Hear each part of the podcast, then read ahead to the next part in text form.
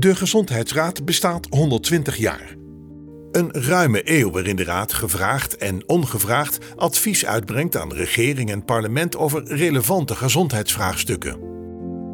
In 120 jaar zijn zo'n 3500 adviezen uitgebracht, altijd gebaseerd op de stand van de wetenschap.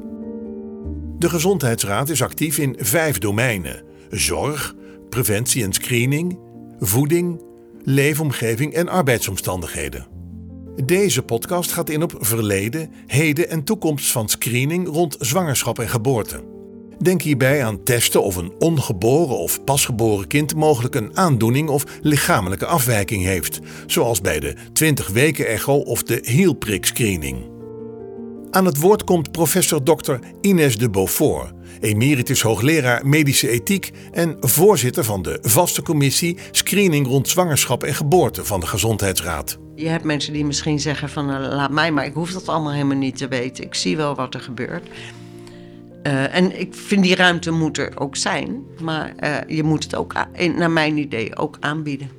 Ook aan het woord komt dokter Shona Kalkman, ethicus en wetenschappelijk secretaris bij de Gezondheidsraad. De Gezondheidsraad neemt niet een algemeen standpunt in, omdat elke nieuwe adviesvraag uh, weer een individuele afweging betreft. De derde deskundige is dokter Klaske Lichtenbelt, klinisch geneticus in het UMC Utrecht en lid van de commissie Screening rond zwangerschap en geboorte. Ik kan niet zeggen hier ligt voor mij een absolute grens, behalve dat je steeds heel zorgvuldig moet wegen.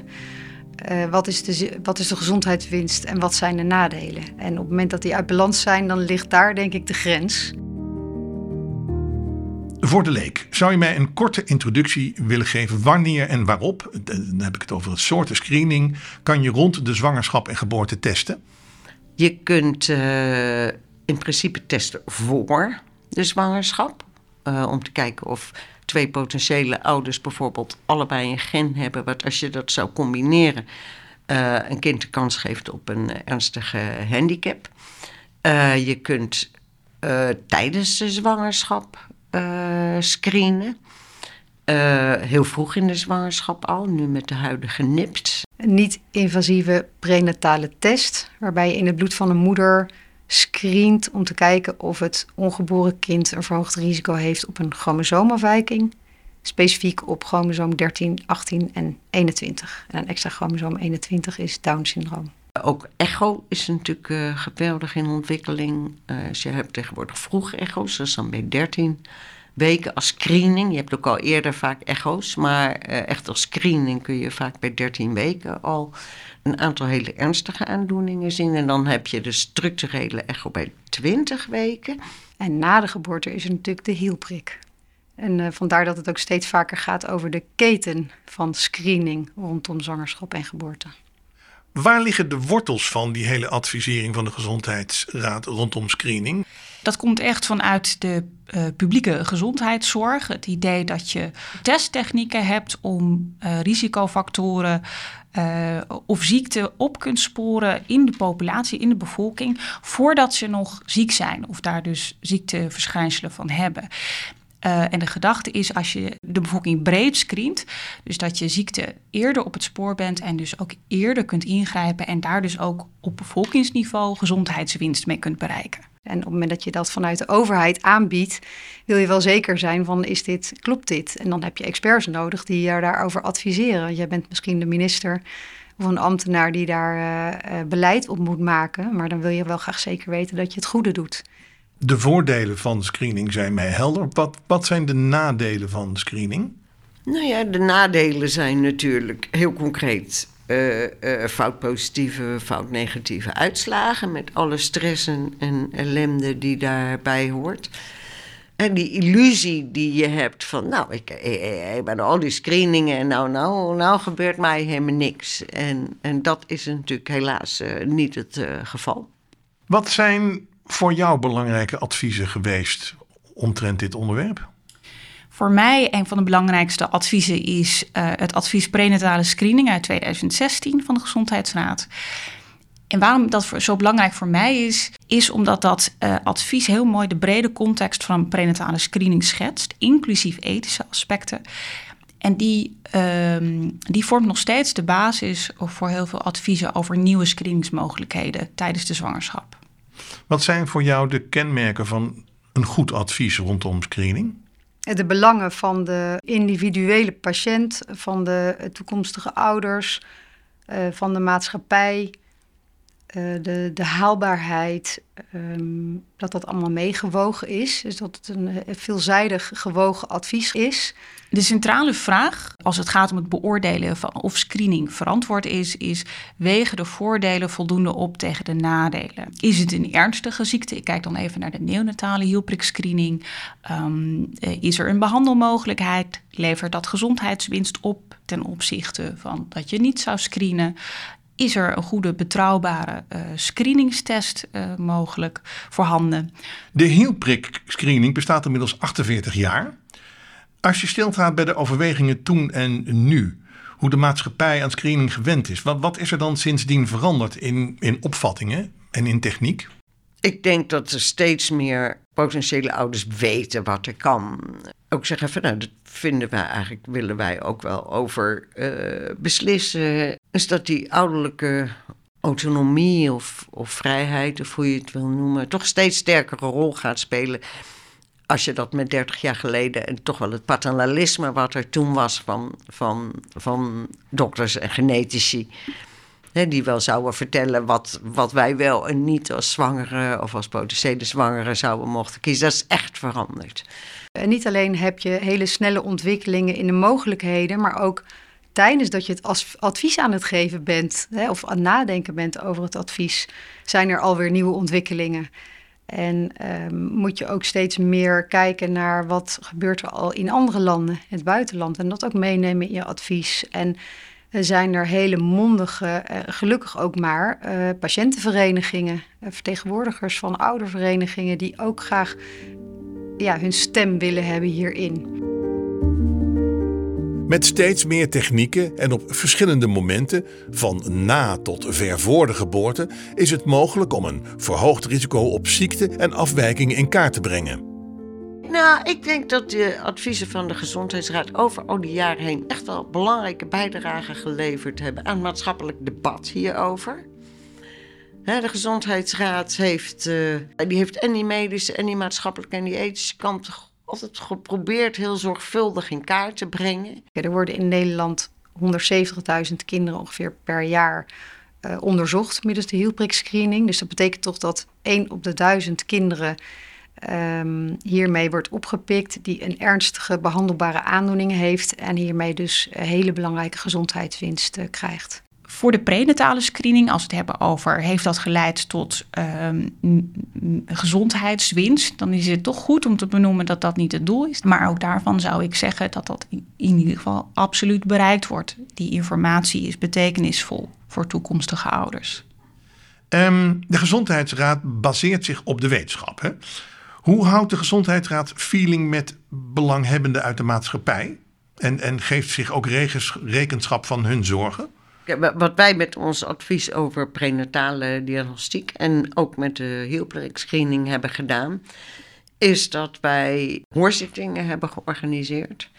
En, en individueel mensen hebben opgezocht en geïnterviewd. En zoveel mogelijk hun perspectief duidelijk te krijgen. Ja, nou zijn dingen als angsten van mensen en vragen zijn niet te vatten in harde wetenschap. Hoe zorg je dat je dat toch boven tafel krijgt, wat er in de omgeving, in de, in de maatschappij leeft? Angsten van mensen kun je eigenlijk heel goed vatten in, uh, in, uh, in wetenschappelijk onderzoek. Uh, denk aan onderzoeksmethoden zoals interviewstudies, focusgroepen bijvoorbeeld. Dan vraag je mensen om te vertellen over wat, hoe ze denken over bepaalde ontwikkelingen, hoe ze denken over hielprikscreening. Uh, dus dan kan je heel goed die psychosociale aspecten, uh, hoe mensen denken, uh, boven tafel halen. Ik denk als laatste ook op het moment dat een rapport uitkomt, dat we actief nadenken, of secretarissen, over wie moeten allemaal ehm, geïnformeerd worden over dat dit rapport er ligt. En dat dat niet alleen een ministerie of een minister of een ziekenhuis is, maar bijvoorbeeld ook een VSOP, dus de patiëntenkoepel voor zeldzame en genetische aandoeningen die natuurlijk zeker ook ja, een, mooie rol kunnen spelen in het vertalen van zo'n rapport naar hun patiënten en naar de ouders toe. En dan de toekomst. Er zullen steeds meer technieken komen om nog beter en eerder te kijken naar aangeboren afwijkingen rond geboorte en zwangerschap. Maar hoe ver wil je gaan in de keten van reproductieve screening? Waar ligt de ethische grens en de maatschappelijke noodzaak? Wegen de voordelen van screening op tegen de nadelen of wordt voortplanting zo steeds meer gemedicaliseerd? De ontwikkelingen die ik verwacht, die deel ik ook weer op in die drie categorieën de neonatale hielprikscreening, waar het echt gaat om bereiken van gezondheidswinst bij het kind.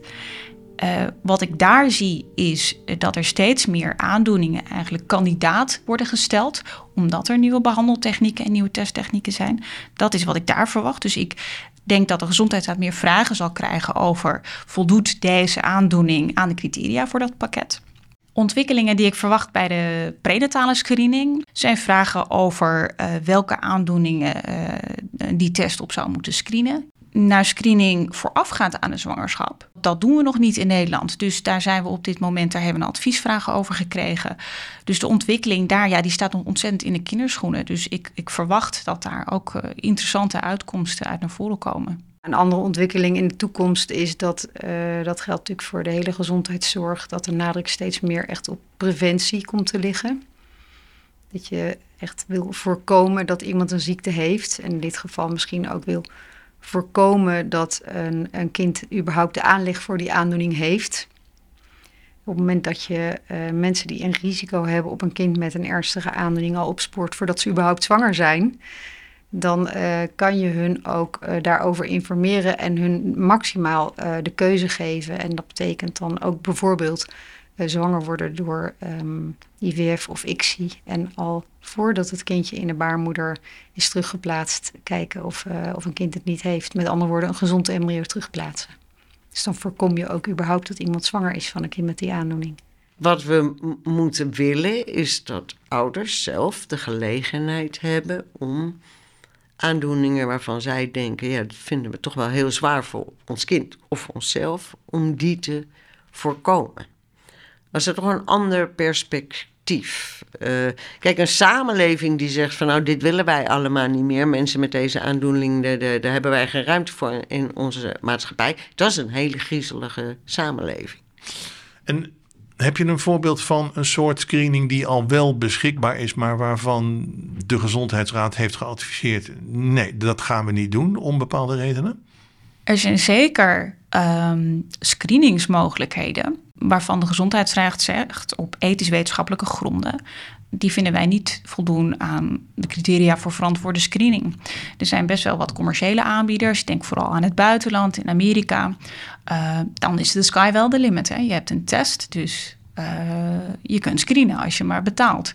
Aan de andere kant moeten wij dat steeds in de context plaatsen van wat gebeurt er als je niet één kind, maar 170.000 kinderen per jaar erop gaat screenen. En wat zijn dan de voor- en de nadelen? Dus dat is, daar, hebben we, daar hebben we veel uit te leggen. Medicalisering in de negatieve zin, van je kan bij wijze van geen stap meer zetten zonder dat er een dokter uh, meekijkt of een dokter bij betrokken is. Dat wil natuurlijk ook helemaal niemand. Voortplanting blijft toch ook iets, hè, vaak tussen twee potentiële ouders die uh, moeten bekijken hoe ze dat uh, gaan doen. En ik denk dat het belangrijk is om te benoemen dat het doel niet is om eh, ziekte uh, de wereld uit te helpen via reproductieve handelingsopties. De doelstelling zijn die handelingsopties op zichzelf. Um, de autonomie van de toekomstige ouders. Aan de ene kant um, ja, heb je daarbij dat, dat mensen goed weten wat er kan weten wat er in het buitenland kan. Uh, terecht kritisch zijn over waarom is dat hier nog niet beschikbaar. En uh, ja, kan ik daar gebruik van maken? misschien ook, ik heb daar recht op. Ja, uiteindelijk wat ik in de spreekkamer hoor, als je aan mensen vraagt wat ze willen, dan willen ze graag een gezond kind. Een kind dat gelukkig is, dat kunnen we nog niet meten in het DNA. Maar gezondheid speelt daar natuurlijk wel een belangrijke rol in.